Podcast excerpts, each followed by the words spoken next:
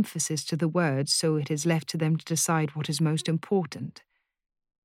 He tells them it is his duty to be the eyes and ears of not only the lensman John Cunningham, which Maren realizes must be Hans Könning's English name, but also those of God.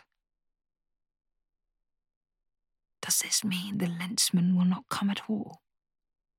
whispers Maren to Kirsten, but Kirsten ignores her, eyes narrowed at the commissioner. He tells them a little of his life before, in Orkney and then in Caithness, places Maren has never heard of, and of his involvement with the trial of a woman. He says that it is this that brought him to Finnmark, to Vardø. He says that he knows they lost many men to a storm. There is a ripple around the room, a collective reel at the mention of their men in this stranger's mouth. He says that he will make a register of all their names, a census for the Lensman so he knows how many and who they are. This should have been done before, translates Pastor Kurtz and Julie without noticing the barb in it. The commissioner asks his wife to stand, and she does, turning her moonish face to the congregation and dipping a courtesy that makes Mamma snort. He introduces her as Mistress Cornet, and Maren whispers it under her breath, wonders what her given name is. The woman's gaze barely lifts. The skin beneath her chin creases when she nods her acknowledgement, her pale hands stark against her dress. Her hair is neatly pinned, though slightly lopsided, and Maren guesses she is used to using a looking glass, if she is used to arranging her own hair at all. She wills the woman to look up, to see her, and know her as the one who placed the coat about her shoulders. But Mistress Cornet sits as soon as her husband motions her to do so, several moments before Pastor Kurtsson's translation catches up. Think of me as a lensman of sorts, a judge. You can trust me, as you do your minister. Too long you have been left here without guidance. I am here to offer it, and I must ask you to be vigilant. Commissioner Cornet returns to his clumsy Norwegian. I will take the names now, and any questions and issues that have arisen, I hope to be a mediator.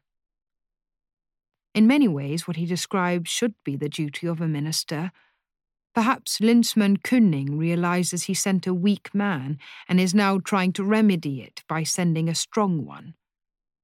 Hands have been raised, and the commissioner gestures to the back of the kirke. Toril's voice comes loud behind them.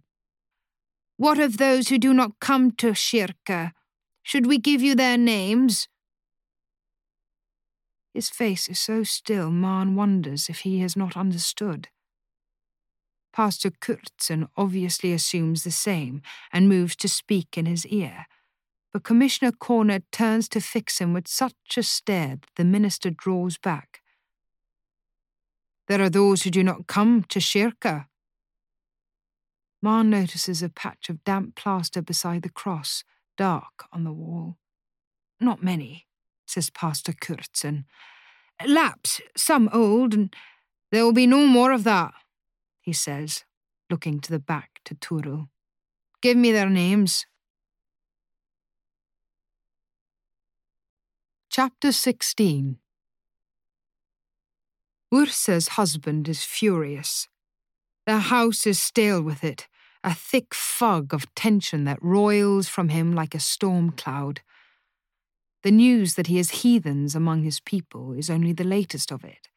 It began the day they arrived, and he was turned away from Vardøhus. They had dropped anchor, and Ursa had been almost afraid to look to land. The fortress was built of grey stone, visible from the sea, as high walled and forbidding as a prison, which Captain Leifson told them is oftentimes served as. Further along the coast were nooked a collection of houses at irregular intervals. Without trees, the land seemed flat and featureless as a blank page. As they had rowed ashore in that terrible wind, Ursa had wanted to cry. Captain Leifson was sitting beside her, and she trained her eyes on his knee as the wind slapped at their cheeks. Absalom was coiled as a spring, though lately he had been almost kind, albeit not in ways that others would notice. He had started calling her Ursula instead of wife, asking how she was feeling in Norwegian, small gestures at effort, perhaps even affection. Since the night she was unwell, he hadn't touched her, and as they approached Vardø, he requested that she change into her yellow dress, placed his hand beside hers on the guardrail, and moved it so close she could feel the dark heat and bristles of his hands through her thin gloves. The women who helped her at the dock were snowburnt and smelly. The larger woman, who introduced herself as Kirsten, had been brash and brusque. The other, similar in age to Ursa, bundled her into a reeking coat. This young woman looked haunted, her grey blue eyes the same shade as the sea, her cheeks hollowed. But Ursa had come to feel grateful for the loan of the coat when they were shown to their house. House. Now, the word burns in Ursa's stomach as she watches her husband pace the short length of the room where they must sleep, eat, and otherwise exist. She isn't sure a life spent here is worthy of the label of living. She had thought their circumstances in Bergen were grave since mother's death, with only one servant and rooms kept closed, but this is another thing entirely. It has only four high, small windows that she can barely see through. The bed is large and takes up a full side of the room. Above it are beams and long loops of rope from which hang rough curtains to portion it from view. The fire takes up another side, two pans, and a large pot arranged on the driftwood shelf. There are no rugs on the floor, only unnailed boards suspended over dirt. The ground beneath sends up a fierce cold, though Kirsten, who showed Captain Leifson and Ursa to the house, said that they had arrived into summer. There is a second door at the back corner of the room. When Kirsten opened it, Ursa could have been sick. Great headless carcasses hang there, split from neck to belly and restitched. Enough there to last a winter, Kirsten had said, before setting a light to the heaped moss in the grate. Captain Leifson set Ursa's chest down in one corner. He couldn't meet Ursa's eyes. Mistress Cornet, it has been a pleasure. He gave her a formal little bow, and she wanted to throw her arms about him, cling to him. He held out a black pouch, and she loosened its string tie. More aniseed, he said. I know you like it. She didn't trust herself to speak, even without Absalom there, and gave him a nod of thanks. She wondered briefly if he would tell her to come with him, if he could take her back to Bergen. But he walked out with Kirsten, leaving her to this room with its small windows through which she watched his retreating back. He didn't turn. Within the hour, the ship weighed anchor and was gone into the rain smothered horizon. She sat heavily on the hard bench beside the table, folded her hands in her lap, and waited for Absalom to come. Without a sunset, Ursa feels untethered. She cannot think how long she sat there that first day before Absalom arrived to find her still on the bench, the room barely warmed by the low glow given out by a nearly spent fire. He didn't scold her, only heaped it again and said, Are you hungry? She shuddered no, thinking of the slaughtered beasts next door. He nodded tautly, looked about the room. Not like you're used to. There was something close to an apology in his voice, she was fearful he would be angry at her disappointment, but instead he sat across from her at the broad table and took out a letter.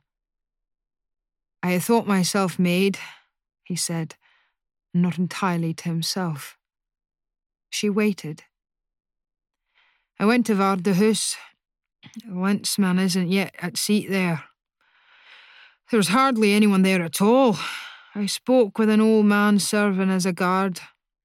I do not know if he will even come, maybe keep his base elsewhere. His fist clenched upon the table. He mentioned none of this in his letters. Absalom looked up so suddenly Ursa flinched, but his face was closed off and sorrowful, and she could almost bring herself to reach across the table to him. I grew up in a house like this, he said, on an island not much bigger than Vardø. I got out as soon as I could, went to the city. There I made something of myself. His fist hits the table, but here I am back again.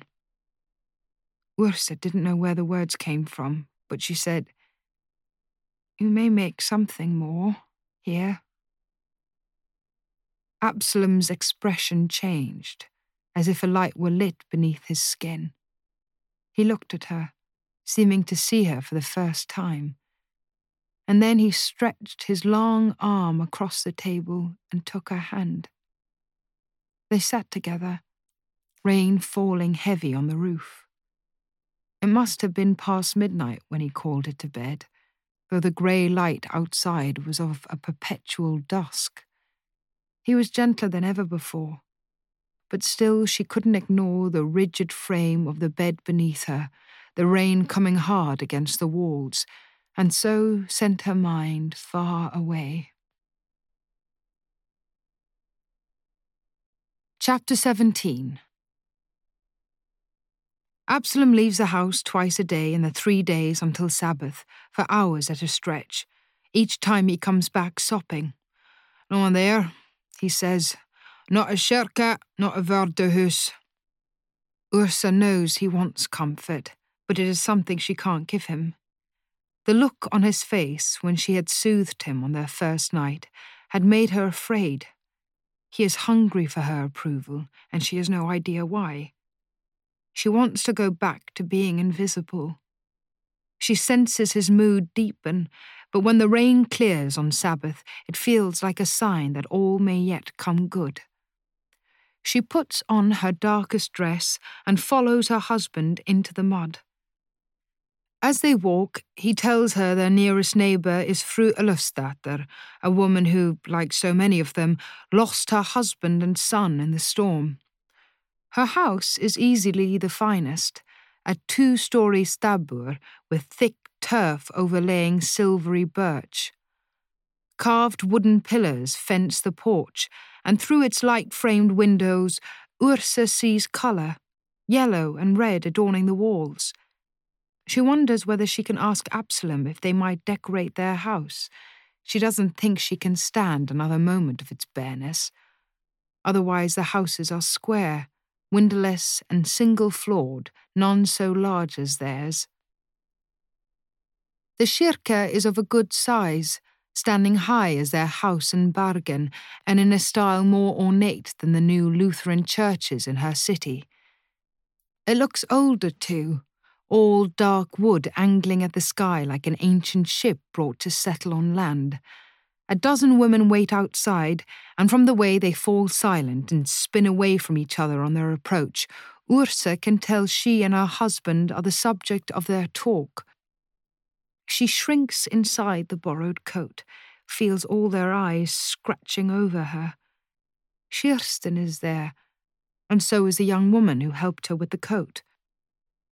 Ursa wonders about smiling at them, thinks better of it. She feels ridiculous in her mud clad slippers. Should have worn her boots from Tromsø. She hardens the set of her shoulders as they walk past, and then wishes she had smiled.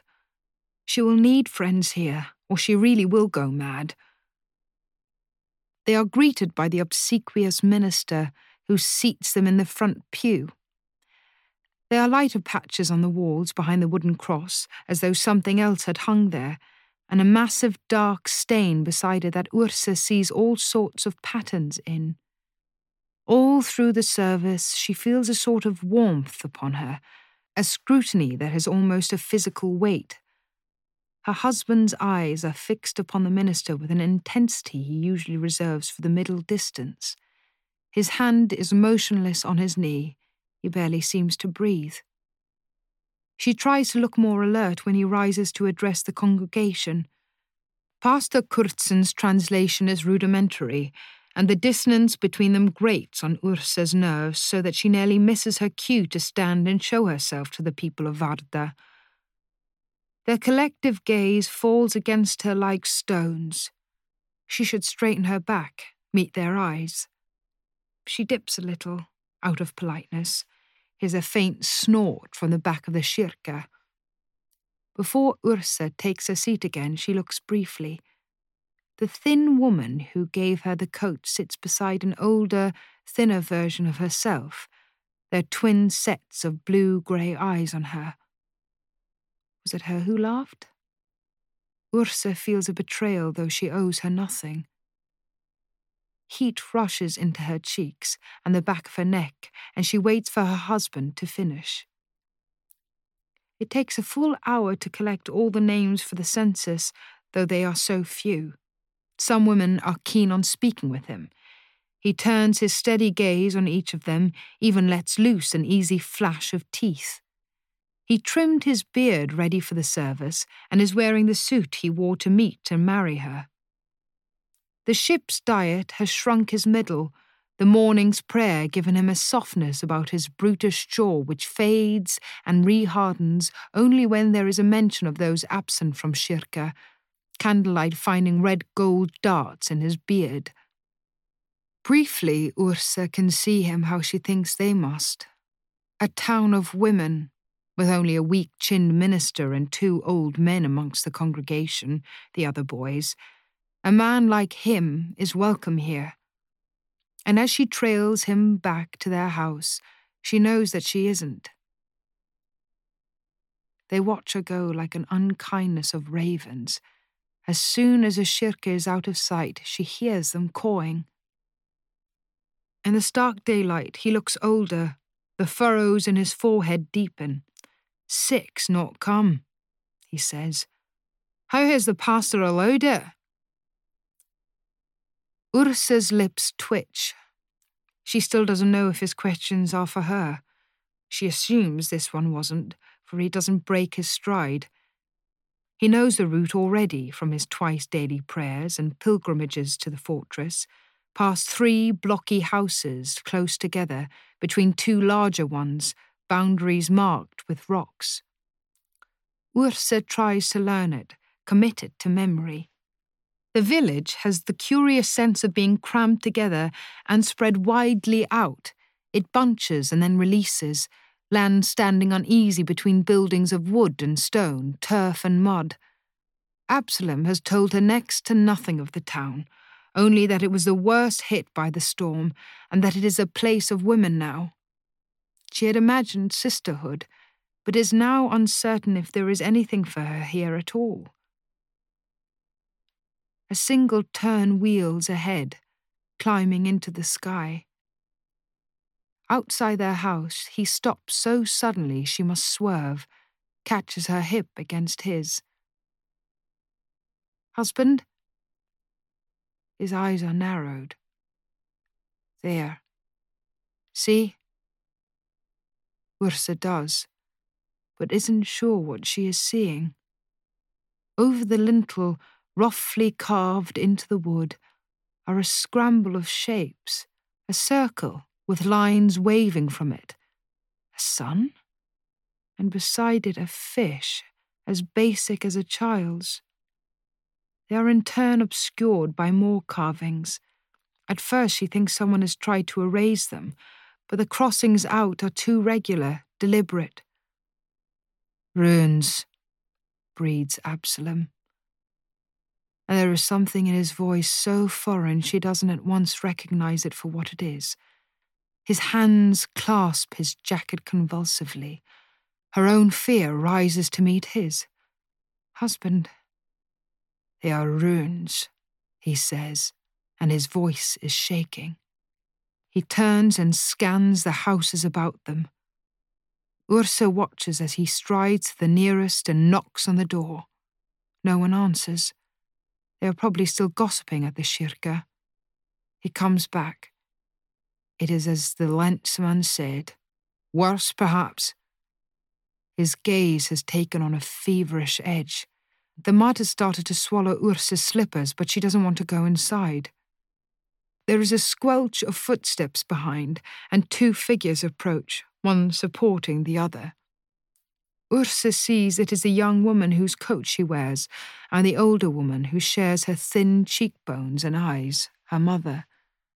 You, says Absalom. The women's heads were down, and now they jerk to a stop. That, he says, and his fear has resolved into something Ursa understands better anger. Why are they there? He points at the marks over the door. Runes, yes? The young woman follows his finger. She nods. Who put them there? Dina, says the mother. Ursa looks at the young woman. You are Dina? says Ursa, and the young woman shakes her head, doesn't meet Ursa's eye. This is my daughter, Maren, says the mother. I am Freya, my son's widow Dina made those marks. It is not lost on Ursa that she introduces her daughter in law so, at such a distance. We gave our names and hers to you just now. Was this Dina not at the church? says her husband. Why? She is sick, says the daughter, Maren. She has a small boy. She must get better for him. Freya looks at her sharply. Why are they there? His finger jabs at the air, his voice disgusted. This was the resting place for my father and brother says Maren, for her husband. She looks from Ursa's face and back to Absalom, sees they do not understand. After the storm, this is where we brought them. Dead, realizes Ursa, and something inside her twists. Drowned people have been lain in their house on that floor she thinks of the hanging carcasses in the store, and bile stings her throat. For God's sake, do not be sick. Why were we not told?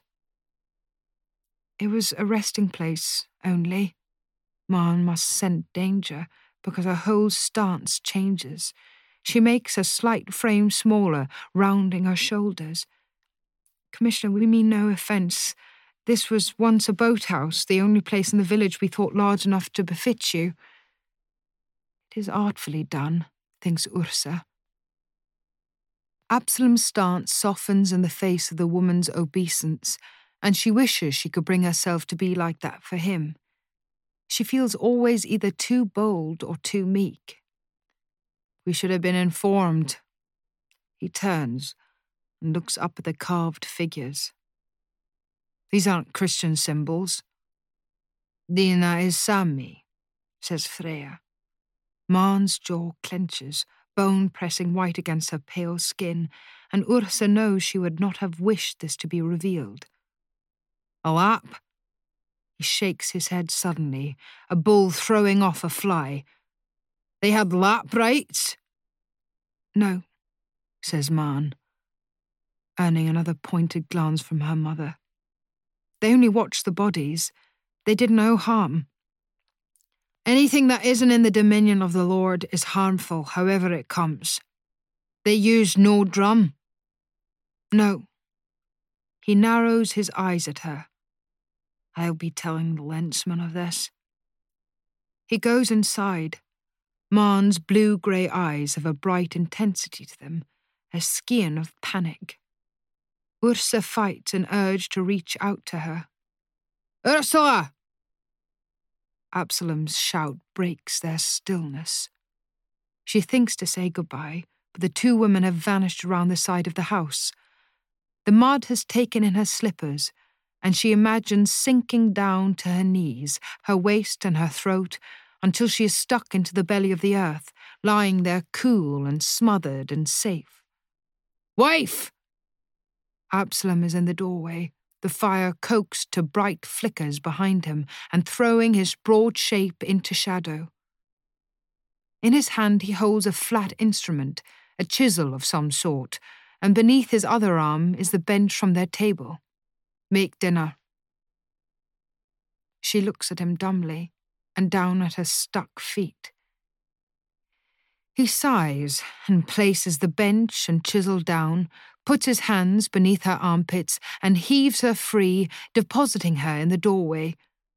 Her head spins. How often she and Agnete imagined a man lifting them into the doorway of the home they share. How different it is. How foolish she feels. Her slippers are ruined, and he closes the door on her.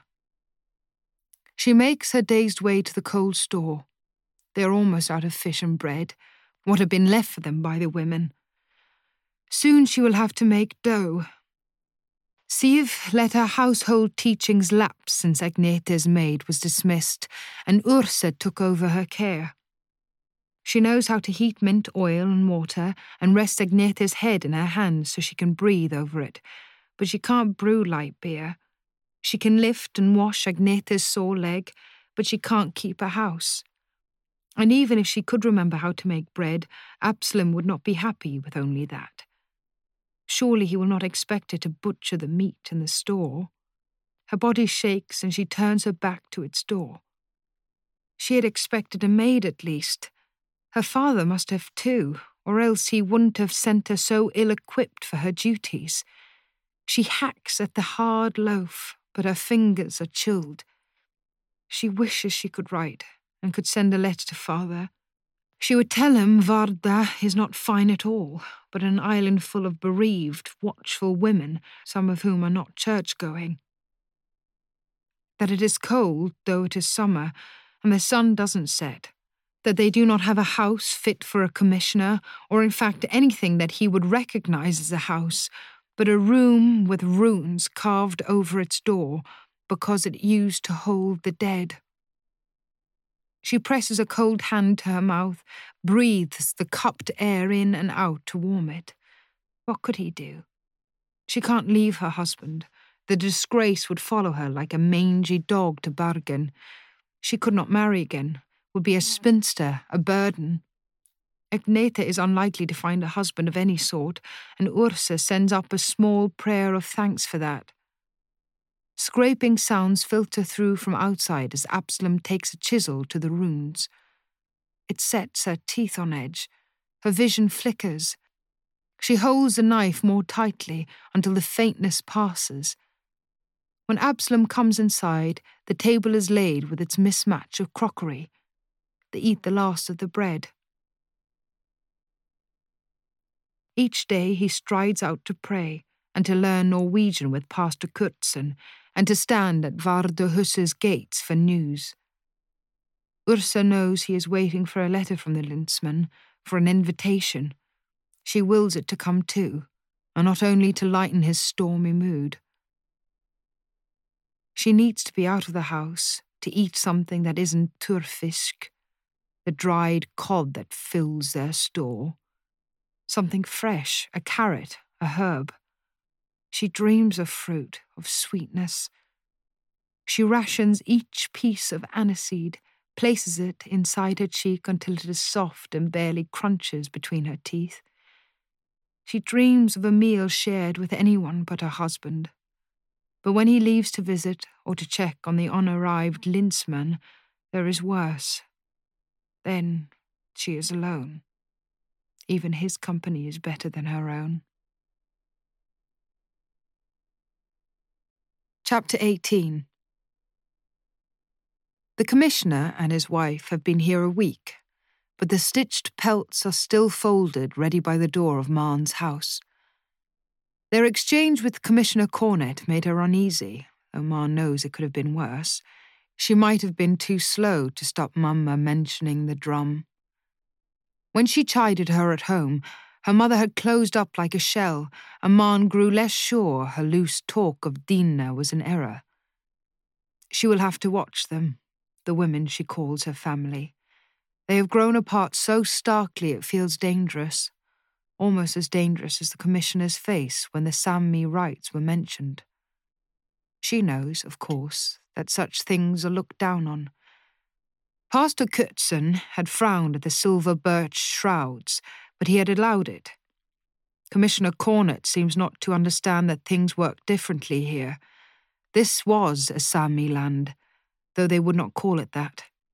Sailors still sometimes call on Sami for good wind, for good fortune, and Toril, despite all her protests, went to Dina when she needed help bearing a child. But the Commissioner's disgust has sharpened her to things she had not noticed before.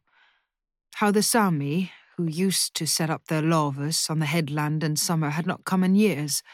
How Dina is the last Sami left living in Vardø. When she tells Dina of the exchange, she only shrugs as Erik grabs at her thick braid, chewing the end between sore gums. I'm used to such ignorance, Dina says, eyes fixed on Mamma's back. Maren feels alone in her disquiet as if she is the only one seeing a storm approach. It isn't until her mother grows tired of tripping on the skins and snaps that she will take them herself, that Maren finally scoops them up and makes for the second boathouse. The day is crisp, and she is comfortable in her woolen dress. The mud has hardened into the churned ridges, digging into her soles.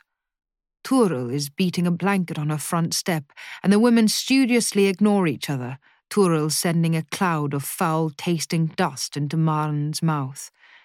She slaps the worst of it from the reindeer skins. The second boathouse is closed up and quiet, but smoke is rising from the stack, and the place where the ruins had been is painted in fresh, gleaming white. She isn't sure where they got the paint from. No one, apart from Dag's mother, insists on a job that only creates more work rather than lessening it. She listens a moment before she knocks, but can hear nothing.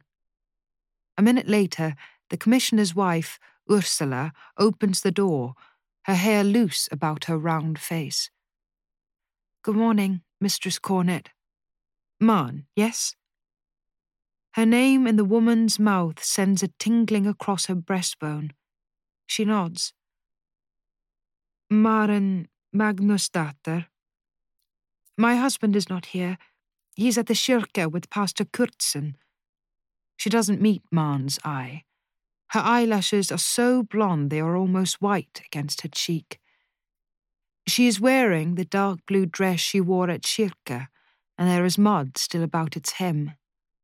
Marn wonders why she has not yet washed it. I bought these, she holds up the skins. The woman recoils a little. The Lensman ordered them from Kirsten for your arrival. They're for the floor? Oh, I stitched them. Thank you, says Ursula, but she doesn't reach out for them. She is eyeing them as though they still have living flesh inside them, are something to be wary of. I can lay them if you like. She opens the door wider to allow Maren inside, and her face is so grateful it makes Maren wince. The men from Kiberg have made a good job of it. There is a broad bed across one side of the room, with a curtain for privacy. There is a solid table, and under it a bench and an array of pots and pans hung across the mantel that look untouched. Beside the grate where Dag used to kiss her is a wooden shelf set into the wall for the washbowl. A stack of plates sits beside it. The door to the store, where he first took her hand, has a cobweb growing across it. She digs her fingernails into her palm.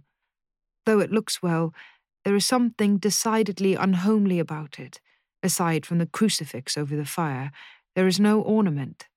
The fire has been fed poorly and is smoking, giving meagre light and heat. She can feel the cold of the floor leaching through her boots. No wonder Ursula is shivering, though she tries not to show it.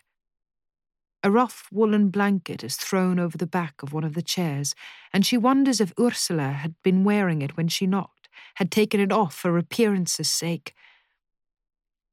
When Maren looks about her, she sees that the washbowl is full of grey water. More cobwebs lurk in the corners of the room, above the bed, and the rushes beneath her feet are muddy and wilted. The house smells of closed up must, but there is no trace lingering of the rot that Maren smelt the last time she stood in this room. Of course there wouldn't be.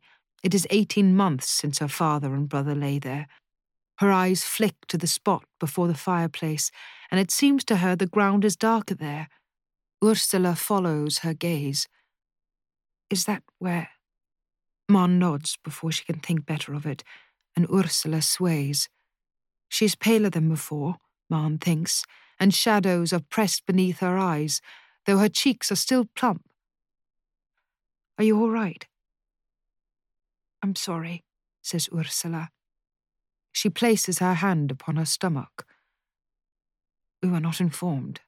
It is something of a shock to know they were dead kept here. There's nothing bad in it, says Maren. The dead are often rested inside in winter. Usually we would have kept them at home, but. But there were two of them. They would have taken up the whole room. This was a boat shed, once. We did not know it was to be your home. She wouldn't have allowed cobwebs to settle across the doorways and ceilings. There would be woven curtains at the windows, the pots hung over the fire and full of reindeer stew. She needs to be out of this house. Where do you want these? Ursula looks about her as though she has misplaced something. I. She gestures to the floor before the fire. There are two. Perhaps, says Maren, one there and one before the bed. It is not nice to place your feet straight from the warmth of bed onto the cold floor. Ursula flushes as she nods, and Maren wonders if she is shy of her mention of the bed. Perhaps in Bergen they are more private about such things. She knows that Dag's father insisted on two levels to his own house, so their bedrooms could be separate as in their house in Tromsø. Maren takes up one patchwork of skins and lays it before the fire. It is fine fur, and she has worked the white breast of each animal into the corner so it looks almost like a design. She smooths it, looks to Ursula for approval, but the woman's eyes are far away, and she's still holding herself about her waist. The second stitched pelt she lays beside the bed. It is made, but the blankets are rumpled. Before she stands, her back to the room, Maren places her hand over the place. It is still warm. Ursula is raking the fire, poking through the smoking ash. It is perhaps not her place, but Maren can't watch without commenting. You need fresh. She gestures at the store door. There'll be plenty in there. Kirsten saw to that. Yes, I. Ursula stands. Her eyelids flutter. Maren hurries forward and hooks her hand beneath her elbow, feeling the gentle give of her arm. Ursula places her own hand on Maren's shoulder to steady herself, and Maren is taken back to their first encounter on the dock, the woman's hand soft and cold upon her. Are you all right? Ursula's eyes are closed. Her lids are palest pink, like the insides of seashells or a newborn's fingernails. Her breath is coming a little too fast and uneven. There is still that sweetness upon it, and it sets Maren's teeth on edge. Yes, I'm sorry. She takes her own weight, and Maren lets go of her elbow, places her hand at her back. I am a little faint. Would you like some water? Some bread? Maren maneuvers her gently to the nearest chair, places the blanket about her shoulders. She turns before Ursula answers, is already at the pitcher. It is empty. You're out of water. Bread too. Ursula's voice is flat and quiet. I don't know how. How? Maren looks closer at the washing bowl. The water is a skim across it. The house isn't simply poorly kept, it is squalid. How to. Ursula breaks off with a sharp inhale of breath. The tingling point in Maren's chest squeezes as she takes up the pitcher, I can fetch water. You stay there. I, I'm, I'm sorry, I should. Maren hears a rustle of skirts. Ursula has braced herself on the table. The soft skin at her wrist is creased, her face crumpled. Maren looks away again, addresses her feet. You should sit. Rest. I'll not be long. The chair creaks, and Maren goes out into the bright day, relieved to be outside the house and urgent to be back. She takes a deep breath of fresh air and hurries home. Toril has gone inside, and the rug she had looped over her gate to air has fallen onto the ground. Maren stomps over it. Mamma, who is watching Erik play beside the fire, looks up sharply when Maren returns. You were gone a while. I went in to lay them. She's too fine to lay her own rug. How is the house? She's not well. She's feeling faint. Maren crosses to their drinking bucket, fills the pitcher. The house is. She doesn't know how to speak it.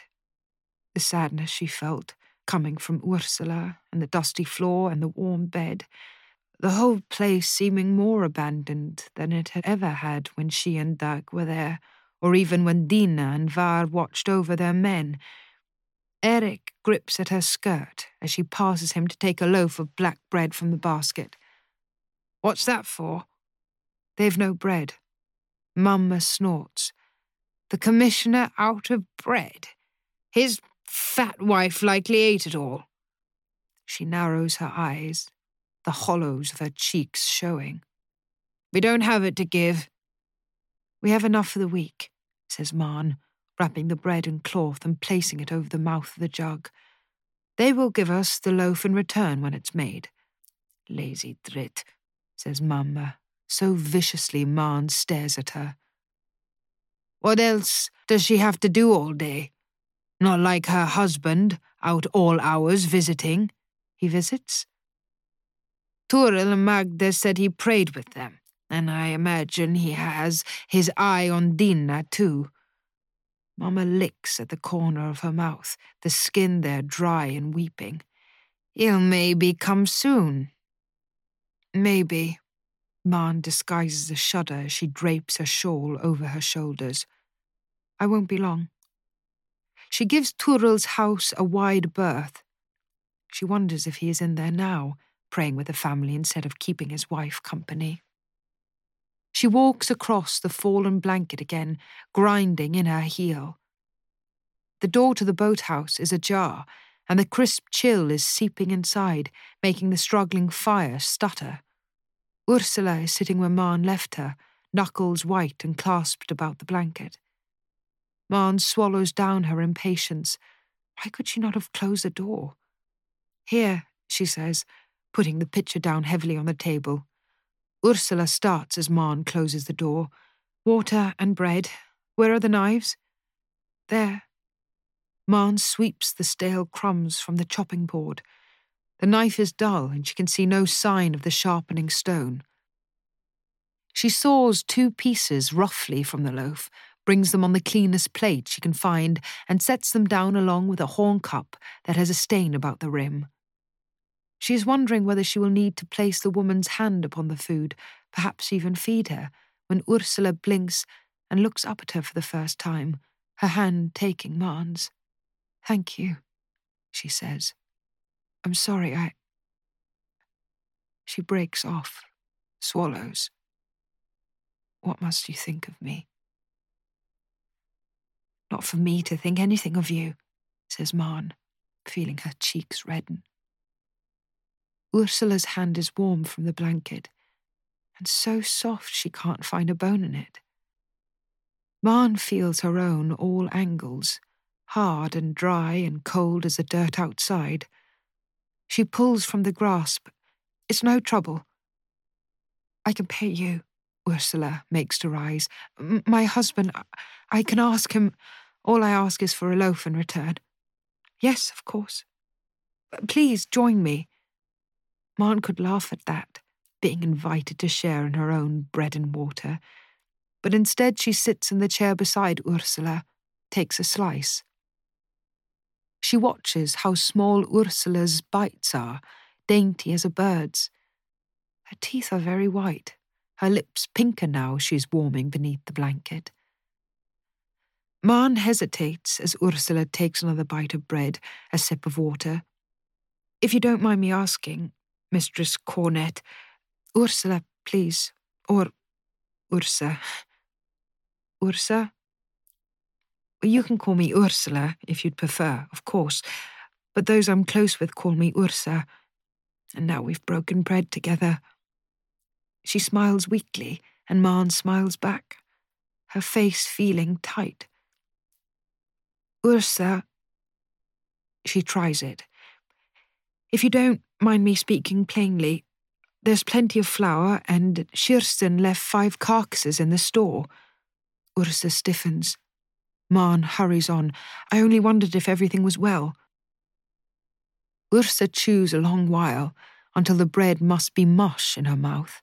Her swallow is loud in the silence. She meets Maren's gaze again. Her eyes are very light brown, almost gold. You must think me very foolish. Not at all. But I cannot make bread. Maren's lips form a silent O as Ursa speaks on. I cannot butcher meat. I've never even seen a dead animal whole. Cannot bring myself to even enter that room. I can barely keep the fire going, and my husband must start it when it dies. I cannot keep house. She gives a wild little laugh, and Maren's pulse quickens. I am not much of a wife. I'm sure that isn't, well, that is not so. Maren wants to reassure her, but how? Butchering she can understand, perhaps. Her mother was squeamish about such things and leaves even the fish to Maren mostly. But bread? A broom? They aren't such hard things to know. It is bad, Ursa interrupts, and her face flickers with anger that Maren knows is for herself. But I do not know what to do about it. She reaches out again for Maren's hand, clasps it in her own. I need help, that much is evident, I'm sure. And we have some coin. I wonder if you. Might you help me? Help you? Teach me. You would not be a maid so much as a friend, a, a teacher. Unless it is a silly idea, you can tell me. Maren wonders if she should feel offended. Sounds exactly like being a maid. I am not the best housekeeper myself. The standard is not so high. Ursa gives another weak smile. Maren looks about her at the dying fire, the windows grimy with smoke, the cobwebs. Of course, if you do not want to, it is all right. I do not even know if Absalom. She trails off, her face sombre again, loosening her grip on Maren's hand. Maren tightens hers in response. Yes, she says. The word is out before she can really think about it. You are certain? Ursa smiles. Oh, thank you. I'll speak with my husband. Maren rises suddenly. I'll tell my mother. Yes, See you on the Sabbath. You can tell me what the commissioner says. I, I will. Ursa follows her to the door.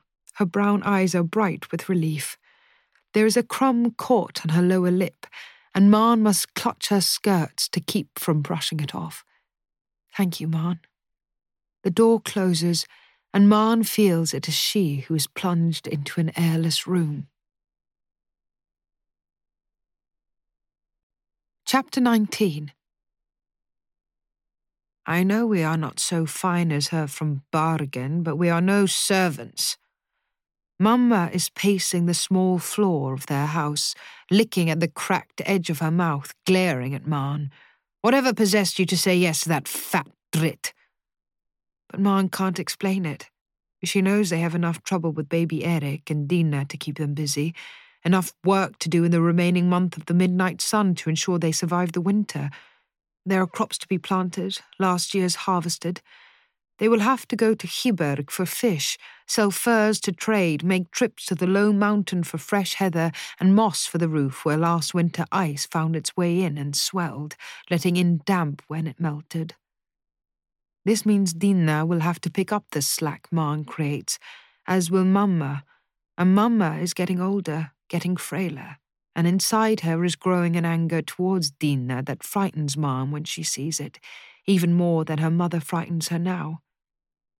As Mamma tells her over and over how foolish she is, that she supposes there is no way out of it without offending Mistress Cornet, and so the Commissioner, Maren can't disagree. She can't explain what happened, why she felt she had no choice in the matter. The only thing she could offer, though she will not offer it, was that when Ursa loosened her hand, she felt as though something important was slipping away from her and that she must grab it. She had to say yes. She had no choice. Though something is decided, she is unsure how the arrangement will work. It feels strange to take money, but Mamma will not accept her helping for nothing. She doesn't know how to broach the subject, or whether she should go unbidden to the house. It is only another day till the Sabbath. She supposes she will hear more then. She tries to go about her tasks with her usual care and attention, but the thought of being out of the house has sent something singing through her blood, something restless and hot and almost painful. Though she isn't going to go to the sea to fish as they had before the Commissioner arrived, it is still a change of scenery and a place where she had kissed her betrothed and watched over her brother and father. In another version of her life, the boathouse is hers, and now she has a chance to claim a small ownership to it. And Ursa, she too sets something moving through Maren's body. It feels almost like the ache when she watches Erik sleep, but it is ridiculous to harbour such tenderness towards a grown woman, even one seemingly clueless as a child. Marn is startled by her. What kind of life must she have had in Bergen to arrive so unprepared? Though it is as unthinkable as Mamma says, Maren feels no scorn, only a crushing pity. The day that passes between the making of their arrangement and their meeting in the kirke is filled with thoughts of Ursa alone in her large house, sitting still as stone by the table beneath the blanket, or lying in bed once her husband has left. Maren imagines her bare toes falling on the pelt she stitched, the gentle attention of her eyes as she slices the bread Maren brought her, the bird like close up of her lips about it. Though Maren is in a hurry to get there, she still knocks at Dina's door and urges her to come to kirke on the Sabbath. He does not approve, says Maren, of people not attending. Why do I care for his approval? Maren can't make her dull eyed sister in law understand that he isn't like the minister, how this man's favour has a heft to it, that to fall out of it would have an even greater weight. She hasn't told Dina what Mamma said to him about the runes and the rites, though she supposes she may have overheard them discussing it through the wall. But Dina gives no sign that she has heard, gives no sign of caring what anyone says, even Maren. The dislike between her and Mamma pulses, is growing teeth. Maren reaches out for her hand. It is sticky with something. Please, Dina, you should come. He may have more questions for the census. She shrugs. He knows where I am. Her dark eyes slide to the wall. Perhaps she did hear after all, knows Toril gave her name and that Mamma confirms she lived here. At least let us bring Erik, says Maren, impatient to get away. Dina holds him out, a wordless take him. So Maren takes the boy, places him gently on the floor. He sits heavily, like a child much younger than his near fourteen months. He should be walking more and babbling, Maren thinks, or at least trying to. His small face regards her seriously. He has Dina's eyes, his father's narrow face and lips. The lower one trembles, but he doesn't cry.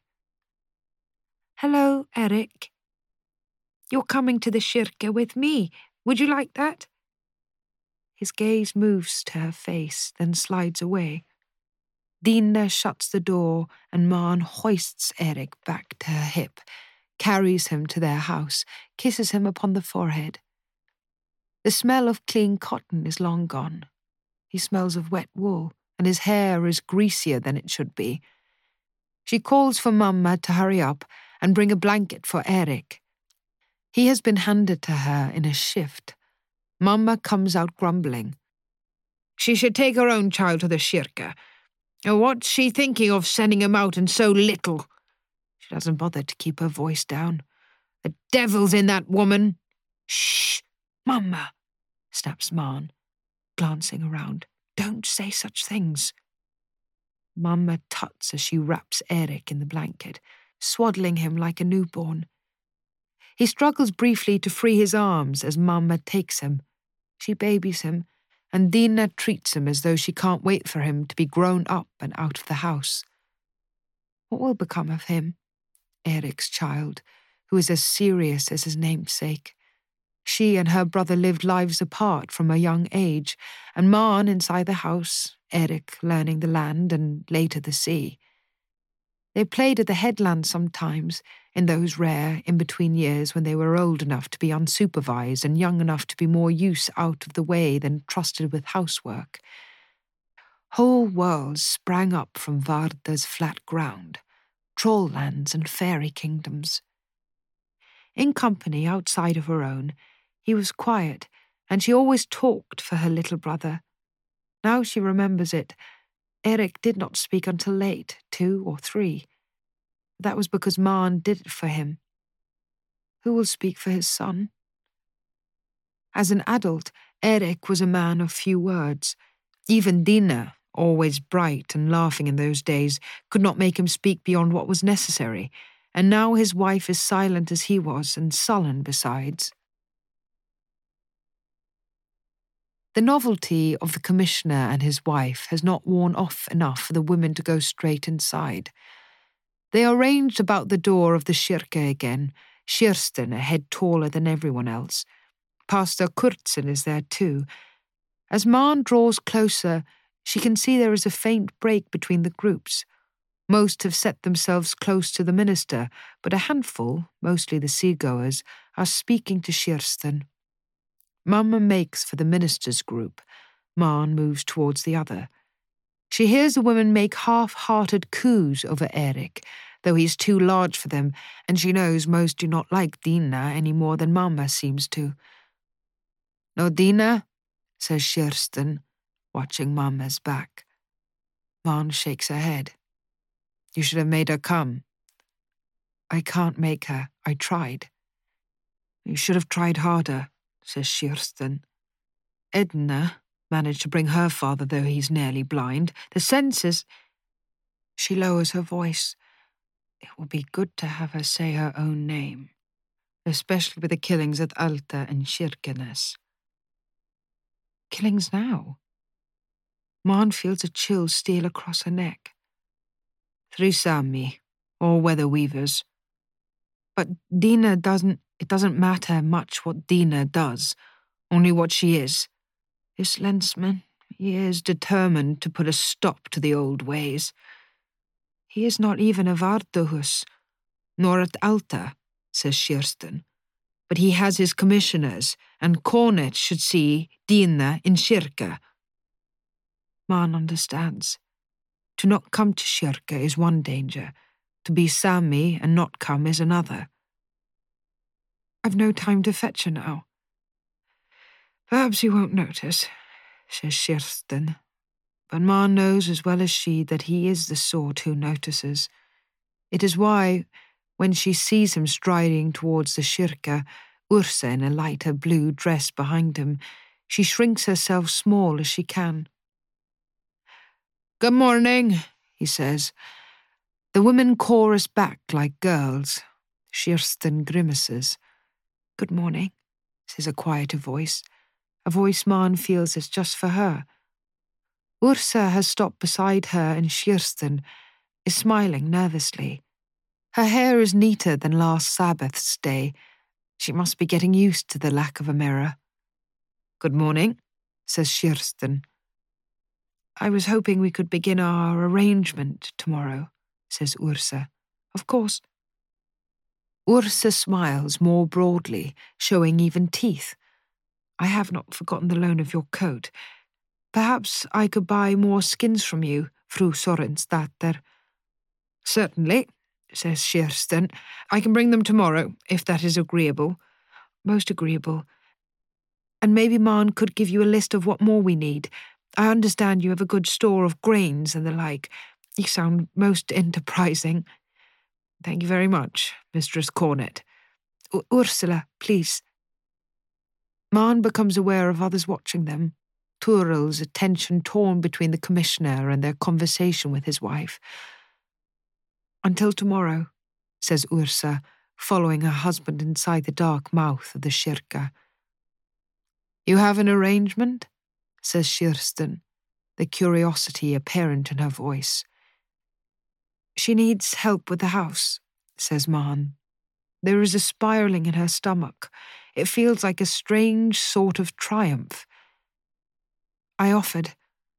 Kirsten's eyebrows are raised. She's paying. Good coin, Bergen coin. Kirsten nods slowly. Get that list to me after kirke. And Maren? She looks intently at her, her eyes direct as her words. Be careful. She squeezes Maren's upper arm and goes inside before Maren can ask of what. Chapter 20 Absalom leaves early the next day for Alta before Ursa can ask him for his approval of her plan to bring Maren into their home. He has a new tactic, he tells her. I'm done waiting at the fortress gates day after day. Until the Lensmen arrive in Vardøhus, I will make myself useful. There has to be some action at Alta that I'm keen to gain the measure of. Ursa guesses he is also resolved to meet the other commissioners to get some idea of their relationship with Lensman Cunningham. She knows it enrages him that others may be in communication with the Lensman while he is left in Vardø, and Ursa hopes their situation is common among the commissioners, prays he will not return with even more anger in his heart. He tells her he must take a small rowing boat a few hours up the coast to Hamningberg, manned by a fisherman from there, where a larger whaling ship will carry him on to Alta, which lies two days to the west. They must have passed the town on the way from Bergen, but Ursa doesn't remember stopping there. The journey and visit will keep him away at least a week, and she feels the same mix of relief and anxiety she felt the night he didn't come to her on the ship. The house is already becoming familiar, seeing as she doesn't leave it all day, but at night, even with him snoring beside her, she thinks of the bodies in the store, the runes painted above the door, and the space before the fire beneath Maren's hide covering where drowned men lay. Though she has not told him of Maren, he was impressed by the coverings and so agreed when she asked for some money for additional pelts and supplies promised her by Kirsten, and guessed at a little extra so she could pay Maren. She can't think he would have denied her. The embarrassment of their home was suddenly apparent after Maren's visit. It had been all right when she had been left to sit in the creeping squalor alone. But when Maren had come, holding the skins that now adorned the floor, she had noticed the disarray for the first time. She had done her best in the small time between Absalom's departure and Maren's arrival, sweeping with the bristle broom and sending plumes of dirt and dust into the air. She had fetched water from the well and tried to scour the mud from her blue dress with a brush and board. She imagined Agnete's raised eyebrow, and most of all Siv's thin, tired face, her hands blistered and cracked, her nails kept so short the sisters would laugh about them being mannish. Ursa's face flushes with the memory, the casual cruelty and complete stupidity of it. Her arms ache from the minutes over the scrubbing board, and she feels her hands greasy with tallow soap stained with ash. She should ask Absalom to write to Siv, so Ursa can thank her for keeping them clean and fed and, in her own stern fashion, loved. Ursa longs to feel this way again, and for the bathtub before the crackling fire, the warmth that easily reached her bones. The press of her sister's bony spine against her back as they sat facing away from each other in the tub, the buzz of Agnete's laboured breath like bees cupped against her ribs. Maren is on her doorstep before Ursa has washed the tears from her face. In her hand is a bundle of cloth, and she sets it on the floor beside the table with great effort, bending carefully. Ursa offers her tea. With what? says Maren, looking at the meagre shelves. My husband brought bilberry leaves from Bergen. I'm sure he can spare us some. Maren nods and moves to the fireplace. Let me, says Ursa. I know how to make tea. It is the simplest of tasks, but she has not been watched doing it before, and she can feel Maren's eyes upon her just as she had in the kirke. It makes her stand a little straighter, take the cups from their shelf with greater care, flourish a little with the leaves as she drops them to boil. She enjoys the woman's attention upon her. It doesn't feel like malice, as though she is watching for her to make a mistake, but rather more like care the way Siv would supervise Ursa with her needlework. Maren takes the cup between cold fingers. Ursa notices the nail beds are raw pink and stretched as though freshly scrubbed. The pads that brush against her own hands are rough as her husband's. She feels shy of her own palms, soft and unskilled as a baby's, hides them in the folds of her skirts. They must be of a similar age, they are made so differently. Ursa feels too big in Maren's presence, cumbersome and absurd in her petticoats. Maren's eyes are large and softly coloured, but her gaze is sharp and clever. The last time they had been together in the house like this, Maren had taken charge immediately, and Ursa waits for her to do the same again now. But Maren seems uncertain of herself, her eyes lowered to the steam of her cup. It sets off uneasiness in Ursa, a discomfort. She becomes aware of her breath, too loud in the quiet, tries to breathe more shallowly, which makes her chest tighten. They sit wordlessly together at the table, and Ursa realizes that though she is vague on the perimeters of their relationship, Maren isn't a servant, like Siv, and so she isn't this woman's mistress. She must be the one to speak, to begin. Thank you again for coming. Maren's eyes are still fixed on her cup. I am glad your mother could spare you. With luck, I will be quick to learn and she can have you back. Summers must be busy here, being so short. Maren is bent so low over the steam of her cup, perhaps warming her nose, that Ursa can see the small hairs pulling at the back of her neck where her bun is tight, the collar of her dress creased and worn, the knobs of her spine beneath. The bundle sits at her feet, lumpen. What have you brought? Maren bends, brings it up to her knees, the cloth in her arms straining, the hollows about the base of her throat deepening. Ursa reaches out to help catching her hands beneath it to help raise it to the table. Why, it's heavy as a rock, says Ursa, standing now beside her chair, and Maren's narrow fingers work the knot, tightened by the strain put upon it. Her ragged nail catches and she sucks in a breath. Shall I cut it?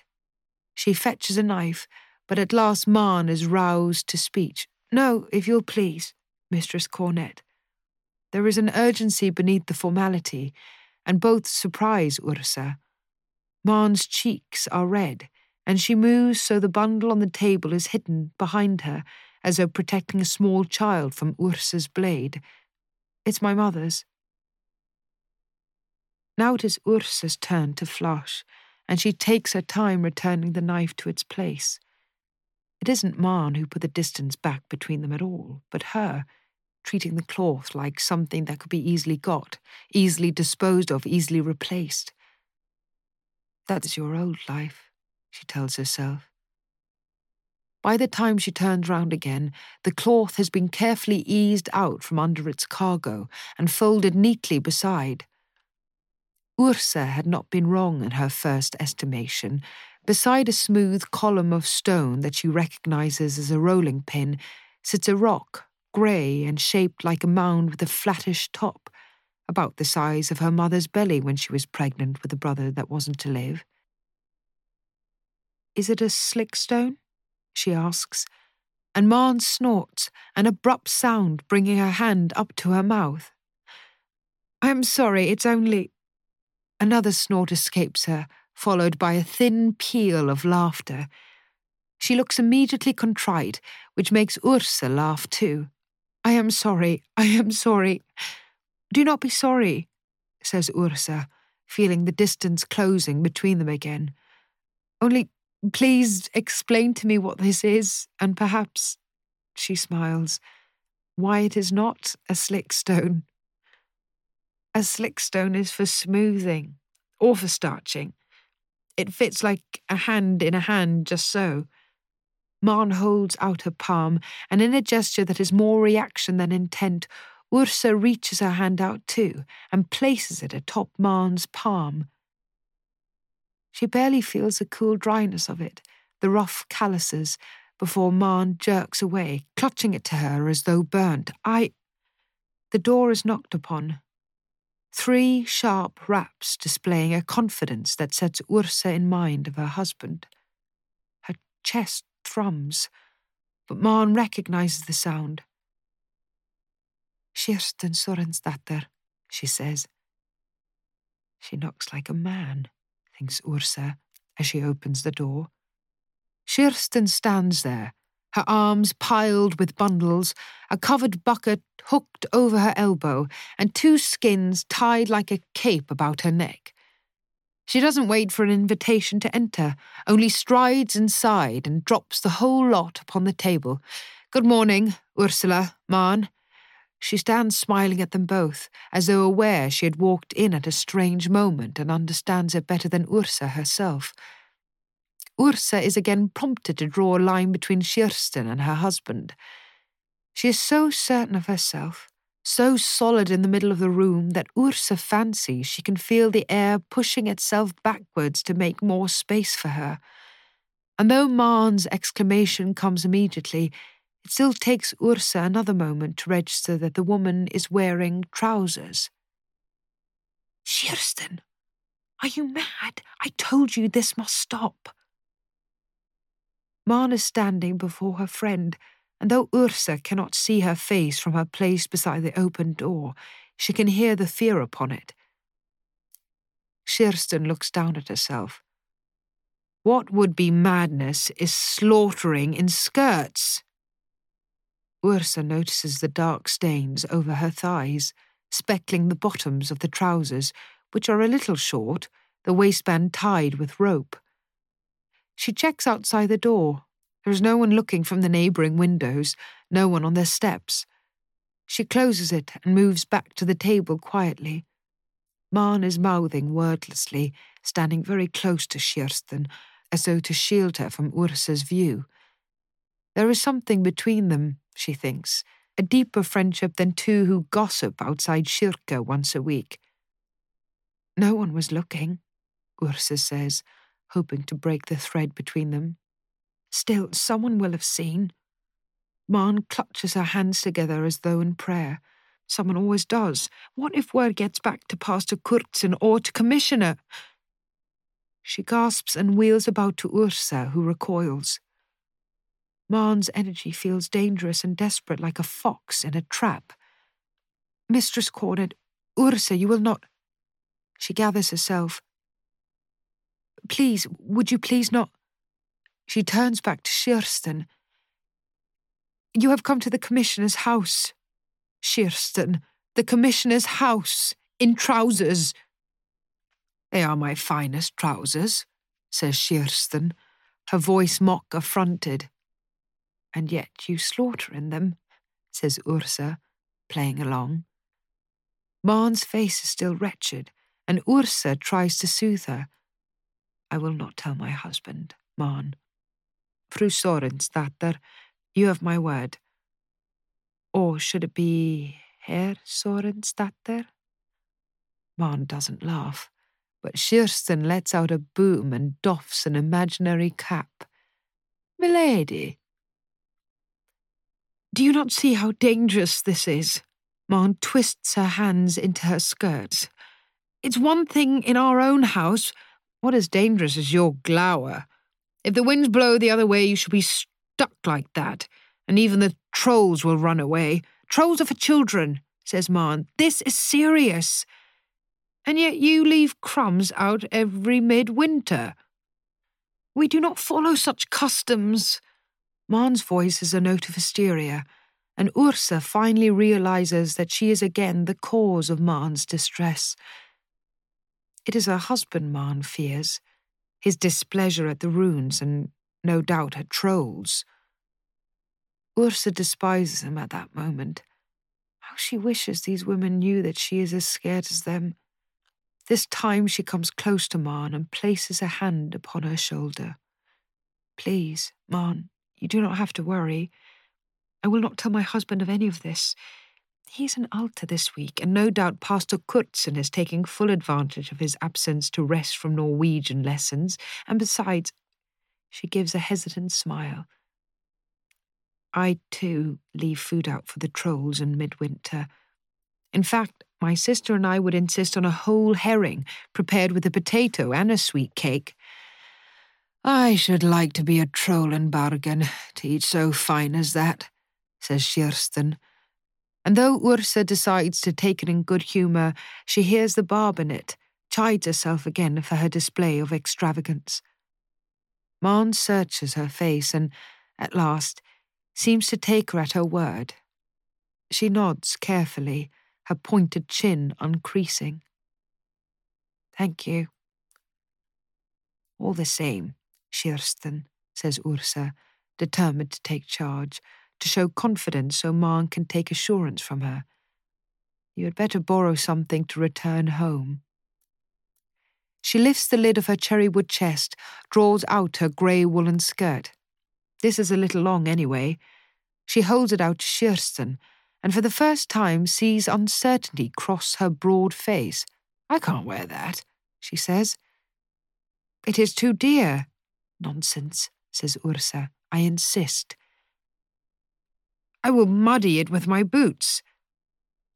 I am learning how to take mud out of cloth. It is no trouble. Kirsten takes it with reluctance and removes her boots before stepping into it. It comes up a little short, but the trouser legs come up shorter. All this worry over some trousers, says Kirsten, relacing her shoes. I'm like to cause as much of a fuss in so fine a skirt as this. Best be careful, Mistress Cornet, or you'll have the kirke women at the door, begging arms of lace. She straightens. I brought everything you asked for. This too, Maren, flour and such, and even found some fennel seeds among Mad's things. I've no use for them.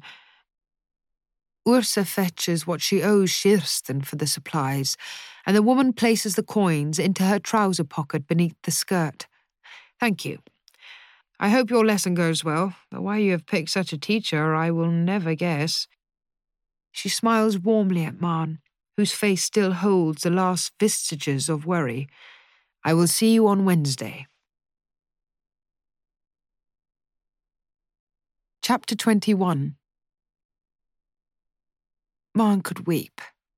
Damn Kirsten, with her arrogance and her stupidity and her need to be seen. She doesn't believe for a moment that her attire was only for the slaughter. It was as much for show. She wanted the measure of the commissioner's wife, and now she has it. Maren hopes she is ashamed. The door closes heavily, and Maren jumps. Please, says Ursa, you must not worry. Maren tries to smooth her face, which aches with the effort of it. She isn't used to being noticed in this way. But Ursa is looking at her as though she could see straight through her skin to her thudding heart. Maren brings her arms across her chest, holds herself. I'm not worried. She clears her throat, gives herself a sharp pinch beneath her shoulder blade, and then moves back to the table where the rock sits. Will you help me move this to the fire? We are to burn it. Rocks do not burn, says Maren carefully, checking Ursa's face for jest and finding it. She smiles back.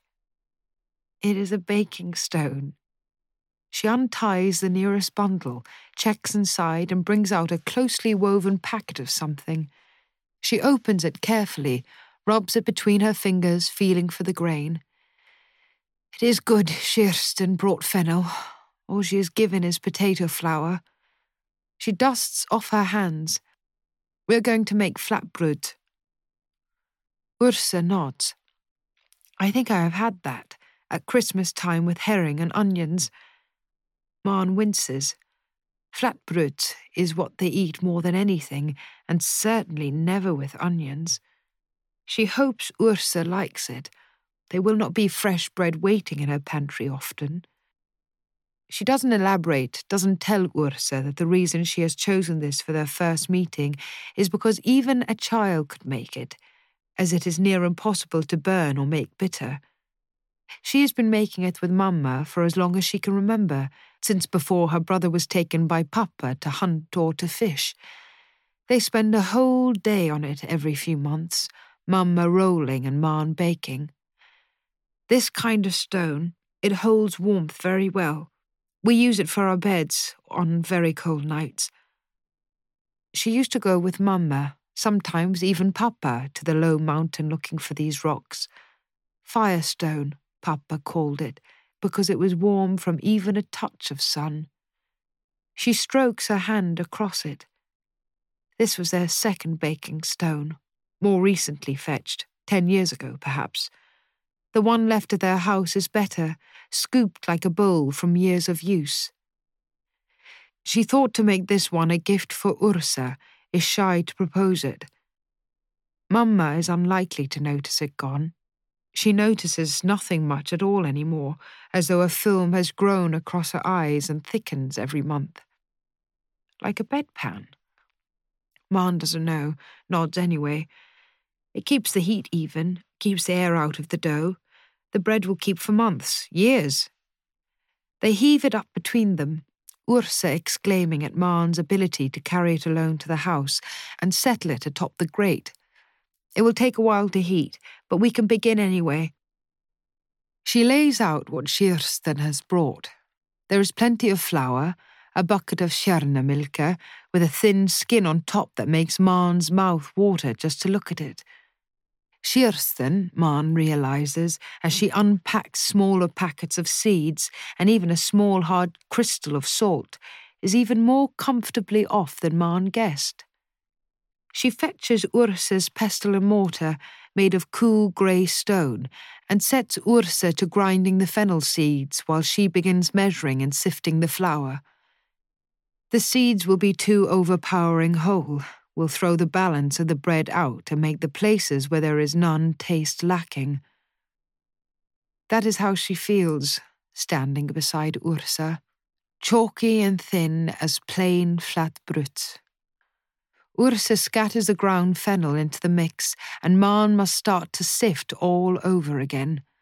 Ursa has not put great effort into it, and the seeds aren't of the fine powder she would have preferred, but the woman is looking anxiously into her face, and so Maren nods and says thank you. When the flour mix is a little less gritty, she has a small mound of fennel husks beside her on the table.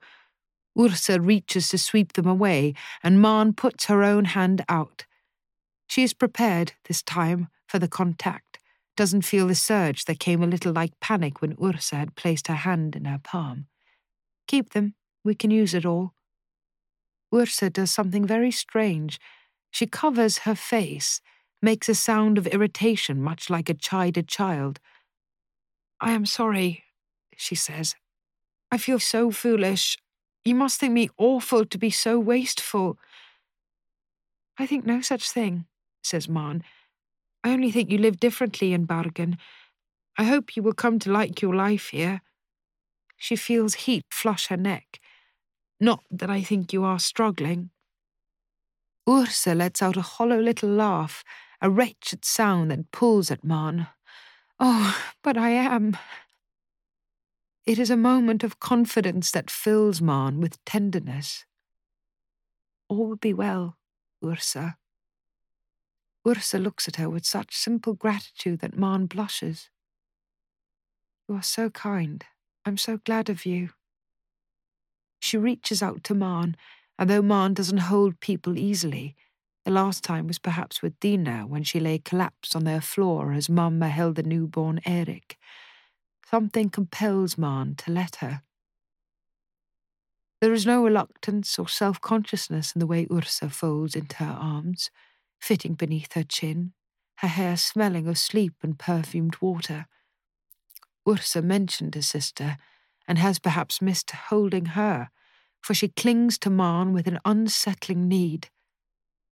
For her part, Maren grows bolder and tightens her grip about Ursa, feeling the softness of her shape beneath her fine dress, the gentle swell of her shoulder blades like low waves across her back. She doesn't want to breathe, to create the space between them for her chest to grow into. But then Ursa is loosening her grip and pulling away. Thank you, says Ursa, and turns back to the fennel husks. She seems soothed by the embrace where Maren has been disquieted. Should I grind them finer? There is a double pulse in Maren's body. She motions yes and begins adding the shan milk, skimming the butter from the top to reach the liquid below. The action requires focus and calms her. She wraps the butter in the clean cloth Kirsten has given for this purpose, and the creamy smell coats her nostrils. They went without butter last year, and she has missed the richness of it, the salt dried from a pailful of sea and churned until it is golden and smooth and perfect. When she has added enough buttermilk, she mixes it in carefully, tilting the bowl so Ursa can see as she stirs it about until the mixture is firm and consistent, sitting mounded like a small mimic of the baking stone heating in the fire. She scatters flour over the tabletop, and Ursa passes her the heavy rolling pin. It is made from a different rock than the baking stone, cooler, to keep the dough from sticking. She portions palmfuls of dough, sets one before Ursa. You want it thin as a biscuit. Ursa nods, but the moment she starts rolling, Maren knows she has not made biscuits before. The shape that forms is nothing like a circle, but when she looks to Maren for approval, a flour stain on her forehead near her hairline, Maren smiles encouragingly, watches as she carries it carefully to the baking stone and drops it on top. It is off centre, one side edging over towards the licking flames, and Maren already knows it will burn there and cook unevenly elsewhere. How long? Ursa is staring at the baking stone. We wait until all the water is gone, until it is crisp and good for cracking. Will you watch it? With Ursa given her task, Maren takes up the rolling pin it holds none of the warmth from Ursa's hands. She rolls out the remaining dough into neat discs. She isn't so skilled as Mamma, but they are even and speckled like the rare eggs they find tucked in the gaps between rocks and the cliffs below their house. They have not checked since the storm. Perhaps she should suggest it to Mamma. After well over a year undisturbed, the birds will likely have forgotten the danger of people. After a few tries of Ursa rescuing the flatbrød too early or too late, she learns the point at which she must clamp the breads between the tongs and rest them to cool. They find an easy rhythm between them, do not speak except through glances and nods, and when the dough is rolled and stacked, Maren takes up the pot without asking and begins to brew some more tea. The fireplace is double width, as Dag intended, and so they can stand shoulder to shoulder before it. By the time the tea is brewed, the first breads are dry and cool. Ursa prods them. They are good? On way to discover it. They sit together at the flowery table. Ursa takes her own attempt and cracks it, sending crumbs and flakes of seeds scattering into her lap. She brushes them carelessly to the floor as she chews. They get better the longer you leave them, says Maren. They are good already. Ursa's smile is broad, and Maren returns it gladly. There is no blessing so complete as bread. What? Something Siv used to say.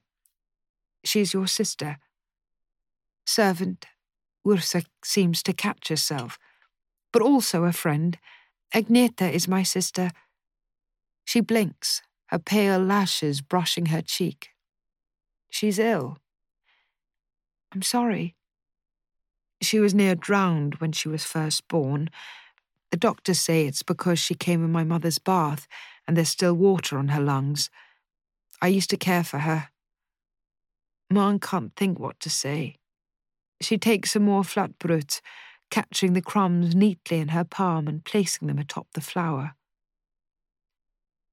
Did not think she would see her first birthday, but she's 13 years old now. She will be grown when next we meet. The silence widens. Ursa doesn't finish her piece, only passes it between her fingers, hand to hand. In her face is pain so apparent it feels indecent to witness. My brother was younger too, Maren says finally, by a year. But still he was married before me. At least I've beaten Agnete there. Slowly, Ursa meets her eye. You must miss him. To that, there is nothing Maren can say. She feels a dark draw of energy from the spot before the fire, where Erik lay in his greenish skin and seemed to shrink before her eyes.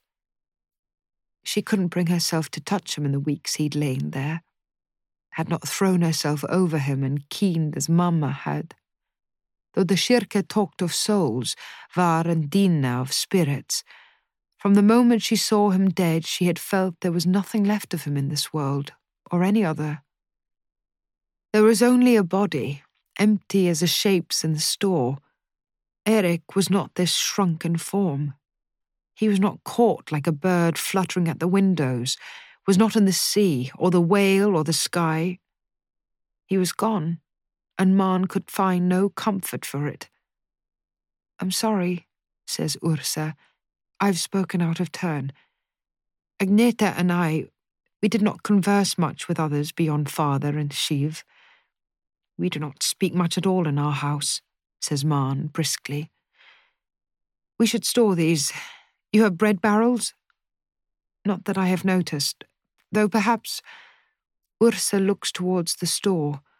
The cobwebs have gone, but Maren suspects they have been cleaned away rather than broken by entry. I'll fetch them, says Maren, rising to her feet, but Ursa stands with her. Let me. There is that determined set to her chin that Maren noticed when she stepped from the boat in her yellow dress. I can do it. She crosses the room, places her hand upon the latch.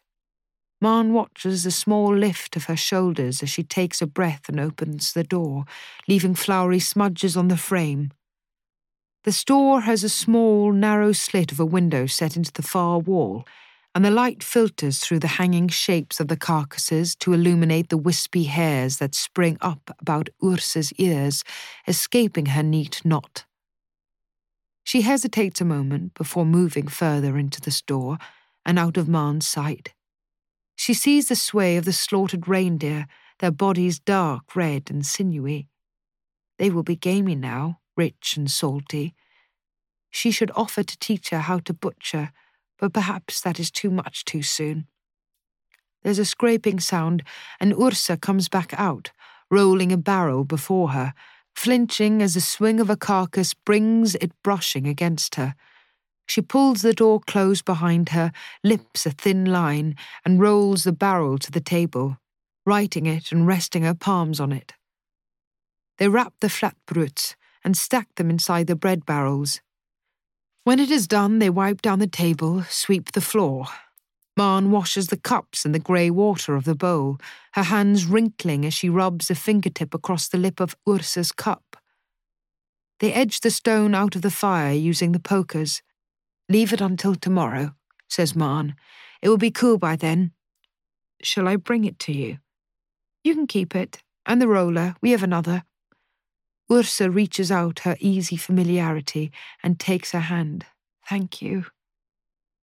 I don't have to go just yet, says Maren, though it isn't true. She had promised Mamma she would be home for their own baking, but returning to their small house, full of silence and sadness, so thick it reeks, feels an impossibility just now, in this warm room with Ursa's soft hand in hers. We could make a start on those hides. How thoughtless of me, says Ursa. You must be missing your coat. Yes, it is an easy lie. She has her father's at home. It would be good to have her back. But won't your mother be needing you? I could do without the coat. I have nowhere to go but Kirke. Besides, it is a few days till Sabbath and warmer all the time. Maren feels her chance slipping. I would not want to leave you without it. It will not take long for me to teach you, though of course it would be quicker with two. We could have it made before turn of day. Why does she not just say she wishes to stay? This isn't how they speak here, if they speak at all. This to and fro like currents whirled away and together again by a quick wind. It is no trouble for me if you stay. In fact, I would prefer it with Absalom gone to Alta. Her eyes shine as she turns them upon Maren. We could sit beside the fire together, talk a little as we sew. If you would like it, you don't have to. Again, Maren feels that reach from inside her, a third, ghostly arm stretching out to seize hold of Ursa, as though she were drowning and found a raft among wreckage. Yes, she manages. Yes, I can stay. Chapter 22 they spread the hides out upon the floor, and Maren fetches a knife to score them at the right points. She must reach about Ursa with string to measure her, and even this makes her flush. She slices the hides into various shapes, and as Ursa watches her, Maren can feel she wants to say something. Is a Wednesday meet a regular occurrence? Maren stops slicing, rests on her heels. The Wednesday meet Kirsten spoke of, says Ursa. Maren can barely recall any of Kirsten's visit. It feels a great distance away. Is it just the two of you? No. Many of us meet in Fru Ulfsdatter's house. She is our neighbour, yes. I perhaps could come. I should like to meet some people outside of kirke. Maren flinches. I won't mention any of this to them if you do not wish. I could pretend not to know at all. Ma knows she says it in jest, but still she is too slow to hide the hurt in her face. You may do as you like. Ursa rises and goes to her cherrywood chest. Aniseed? Ursa tips two smallish seeds onto her palm, holds it out to her. You place them on your tongue they taste strange, but good.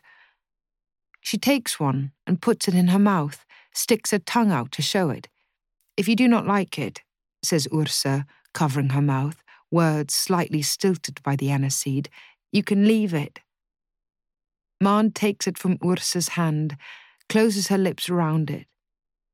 It is good, yes? I've never tasted anything like it. From Bergen? Asia. Captain Leifson, who ran the ship that brought me, he gave me some. They set to work again, Marn bringing the sleeve pieces together to the table for them to stitch, one each. She makes holes with a pointed bore, shows Ursa the cross stitch she must use to make them strong. I hope you do not mind me asking about the Wednesday meet, says Ursa. I should understand if I were not welcome. It is only that I have so enjoyed this day together, and I should like to meet some others, if they're all as kind as you. How can Maren explain the knot in her chest at the thought of Ursa becoming friends with others? It is childish to feel jealousy over such a new friendship, and there is a complication of having the commissioner's wife in such an informal atmosphere. She trusts that Ursa will not tell anyone about Kirsten's trousers, but what else will she hear? I understand I am a stranger here, prompts Ursa, but I should dearly like not to be. Come, of course. Will you fetch me? I should not like to arrive unannounced the first time. Maren can do nothing but nod. Good, smiles Ursa. It's settled. She turns her attention back to her work. Now, where have I gone wrong here? The answer is immediately, and Maren helps Ursa unpick her work, shows her more slowly so she can follow along. The fire burns down twice before they are done.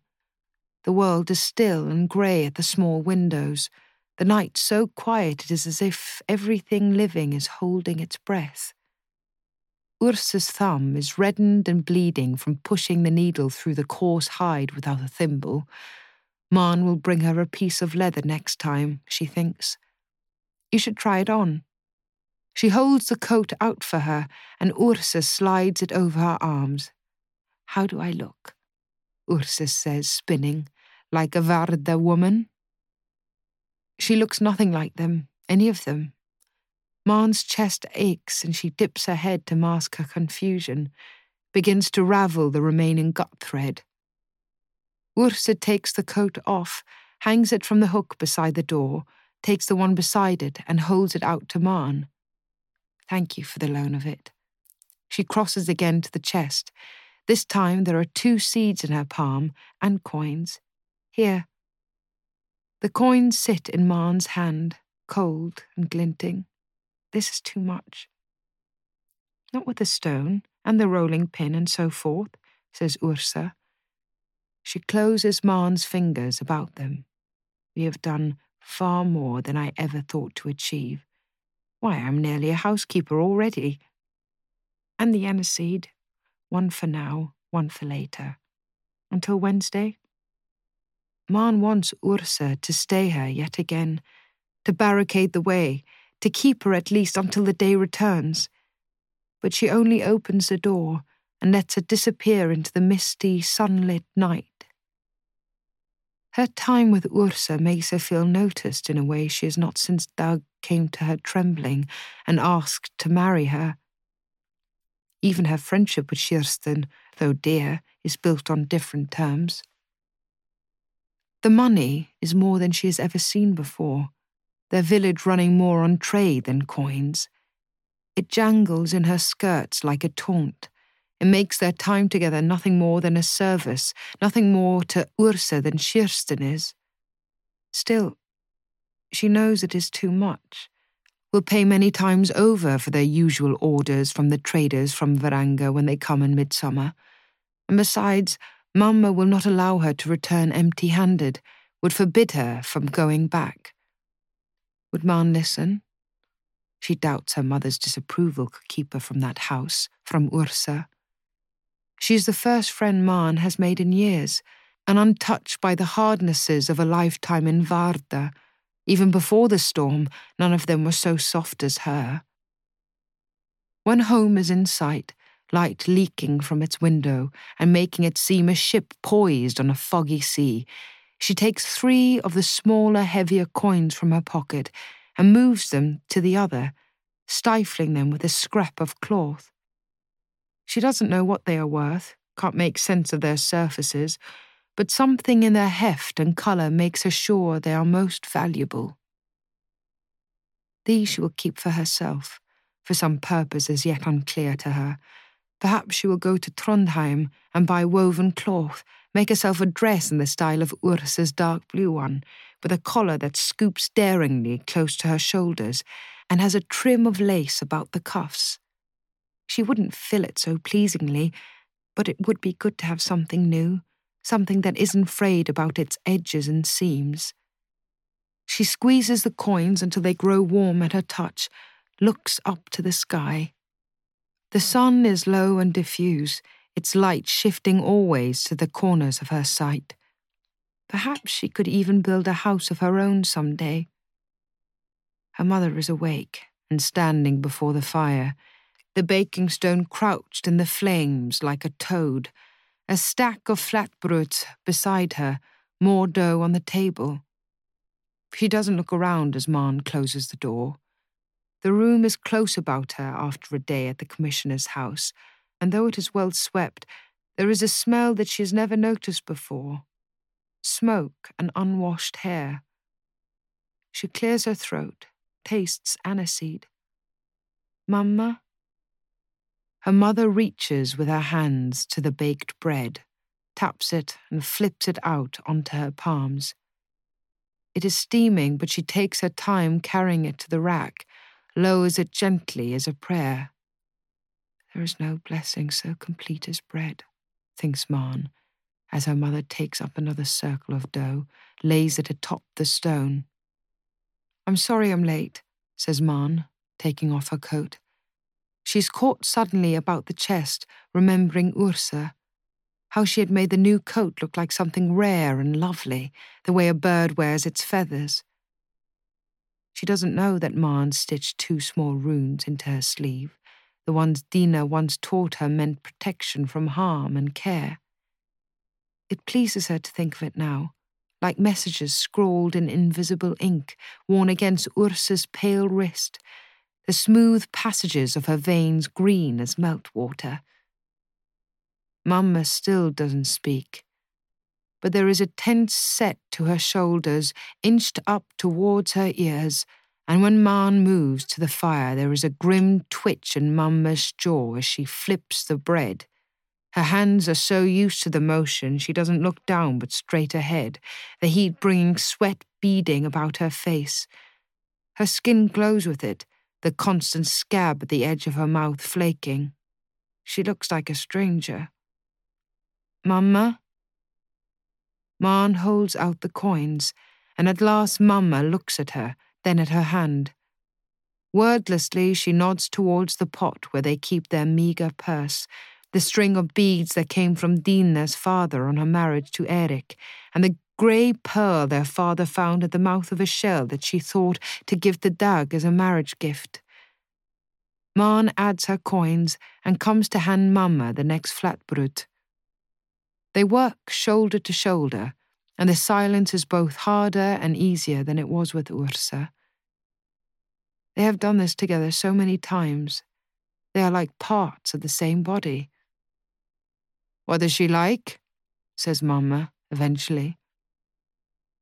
Maren thinks of Ursa's soft hands, her smooth cheek, the crease of her chin when she thinks or is embarrassed. She thinks of the aniseed on her breath, how she shares it now, like a secret. She's not what you would expect. Mamma snorts her disbelief. You will know her soon enough, says Maren, passing the last of the uncooked breads as Mamma moves another to the rack. She's coming to the Wednesday meet. The mention of it brings the same confusion she'd felt when Ursa had raised it. Their friendship is still new and unformed, not yet hardened into something solid enough for her to feel confident in it. What if Ursa finally realizes that she has chosen someone wholly middling to assist her, when she could easily have her pick of teachers? Toril is the most skilled at needlework, Gerda the fastest at churning, Kirsten the best at butchering. Her mother is the better at cooking, baking. Maren doesn't even have as good a temperament as most. Is she now? Mamma's eyebrow rises. That will be interesting. What will your Kirsten have to say on that? Why would she have anything to say? She likes to be the centre of it all, doesn't she? With the commissioner's wife there, she will not be able to take charge so easily. She will not mind. She is the one who mentioned it in front of her. We will see, says Mamma. She begins to stack the breads into their barrels, and Maren moves to help. Through the thin wall, Erik is at last quieted, and Maren hears a low song coming, Diinna speaking in her language. Erik's yoik. They go to bed just as the morning slips its noise beneath the door, and Maren must wait until Mamma is asleep before she takes the remaining coins and aniseed from her pocket and places them in the rip in her pillow. She shifts the aniseed so it will sit small and hard against her cheek, and she fancies she can smell it through the greying cloth. She should make the most of one of the long summer days, row to the low mountain. She has not replaced the heather since the storm, and it is as crisp as burned bread. Perhaps now that Ursa has her coat, she will want to come with her. Diinna's singing still comes through the wall. Erik must be waking, and Maren places her palm against it, letting her eyelids close against the brightening day. She sinks, and the wail that came for her father and brother surfaces, calling her to the sea. Chapter 23 Mamma works Maren hard in the day before the Wednesday meet. She sent to Toril's to fetch mended winter vests, and the woman is stiffer with her than ever. Toril was always a difficult woman to like, cool even to those she had known all her life. But since the storm, she has taken to wearing her faith like armour, wielding her piousness like a blade. Maren counts five crucifixes on the shelf over the fireplace, ranged like newly forged weapons. More line the walls, delicate fashionings of woven seagrass and twine. That for the Commissioner Cornet? Mon nods at them. For God. He comes most days, says Toril. God. The Commissioner, Maren sucks her cheeks to keep from laughing at Toril's furious face. Though not today. Today he is in Alta. Toril's knuckles turn white on the vests in her arms. He told you. You aren't the only one who knows things, Toril, says Maren, irresistibly reminded of how Kirsten took the wind from Toril's sails with her information about the Lensmen. She holds out her hand for the pile of restitched cloth, but the woman doesn't pass it to her. He has not visited you. Maren shrugs. I know he is not. He would never, not with that Lapp and her bastard under the roof. Anka comes quick and hot to Maren's chest. Eric is no bastard. They were married. You yourself danced to their wedding feast. I did not dance, says Toril. I would not dance at such a devilish union. Maren's palm itches. She longs to slap Toril across the face, to tear at her hair.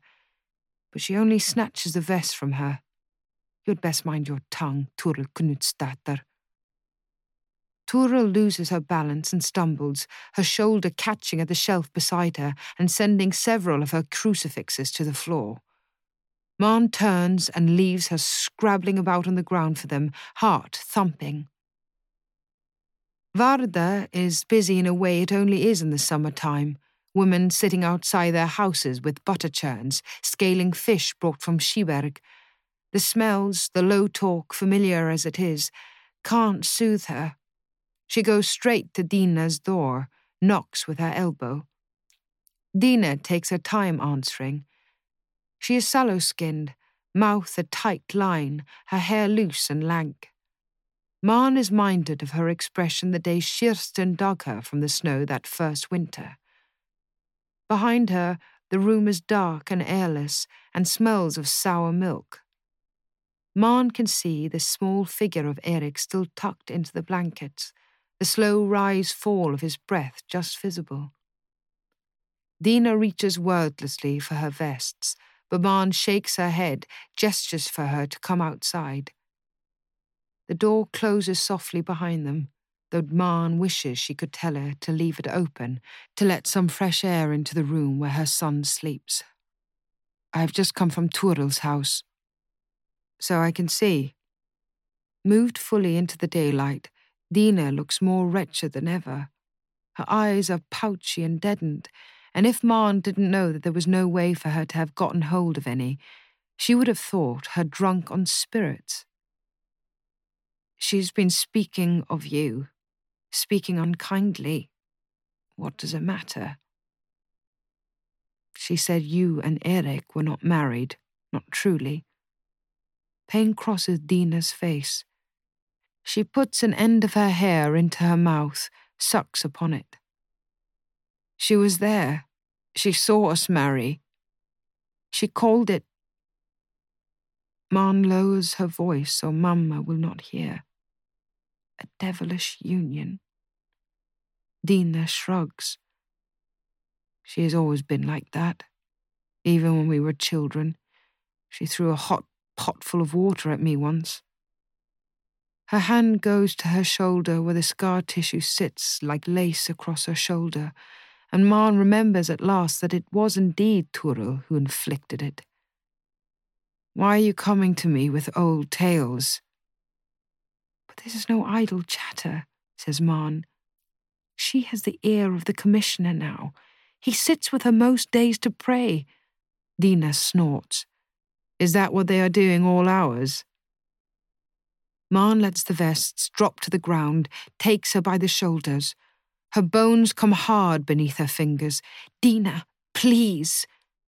Come to kirke on the Sabbath. He should see your face, see you there. Diinna shrugs her off. I send Erik for you and for your mother. That should be enough. It is not for me. Maren wants to shake her. It is for you, and if not for you, for Erik. It is in the commissioner's census that you do not go to kirke. Census.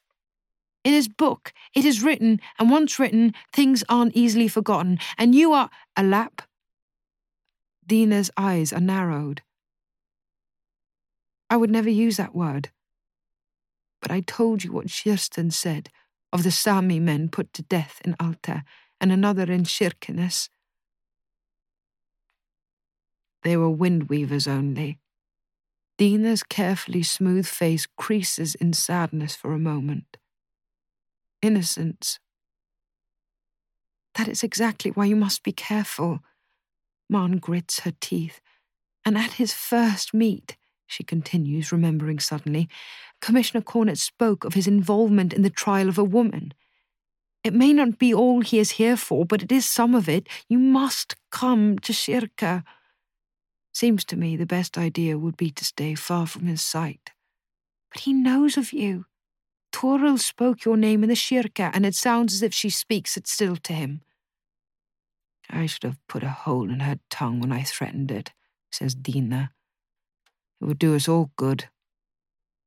Maren had forgotten that warning made in those terrible early days after the storm, and it sends a fresh broil of nausea through her. You should not say such things. Why? Do you think me a witch too? Diinna's gaze is unblinking. Maren digs her nails into her palms, desperation verging on annoyance. Will you not come? Diinna looks into the middle distance. It would be good if you would come more often to see the others at least, she says. You used to like some of us. You used to love me, she thinks, collecting up the vests. Diinna doesn't move to help. She still has a slick snake of hair trailing from her lips, and the sound of her sucking it fills Maren's own mouth with bitterness. Perhaps come on Wednesday. You used to come. Toril doesn't attend, nor most of the kirke folk. Your mamma does, though, and I thought you were all kirke folk now. Diinna's voice is dry. You know I am not one of them, says Maren, straightening and holding out the vest. Kirsten and Edna, and many of us, we aren't like them. Yes, says Diinna, taking the soft garments. But I am not one of you either. Inside, Erik begins to moan. You'll come to the meet, says Maren, desperate as Diinna opens the door and turns to close it behind her. She gets no answer. She paces back and forth before her door. She feels it, a trap being set about them, has felt it since Toril gave Diinna's name in kirke. The news from Alta makes it worse that the sailors have been going to the Sami for weather charms since they settled here held no currency in the court. Kirsten said they were sent to their deaths within a day. She knows it is against Diinna's beliefs, against the Sami ways, to go to kirke, but she cannot help that it matters less what they believe now than what they pretend to believe. She sometimes wonders if she is pretending a little too. The eye of God feels turned from her, has done since the storm, and since the Commissioner's arrival, she fears Cornet far more than any god. Inside, Mamma is wrapping salted fish in clean cloths. They are spread across the table, a dissemblance in various shades of white blanched by salt. The bones sit in a wispy pile, ready to be sorted into those that can be used as needles or combs, and those that will be boiled for soup. What was that about? Maren places the vests on the shelf, comes to join Mamma at the table. Diinna will not come to kirke. Nothing new there. Mamma turns a sharp eye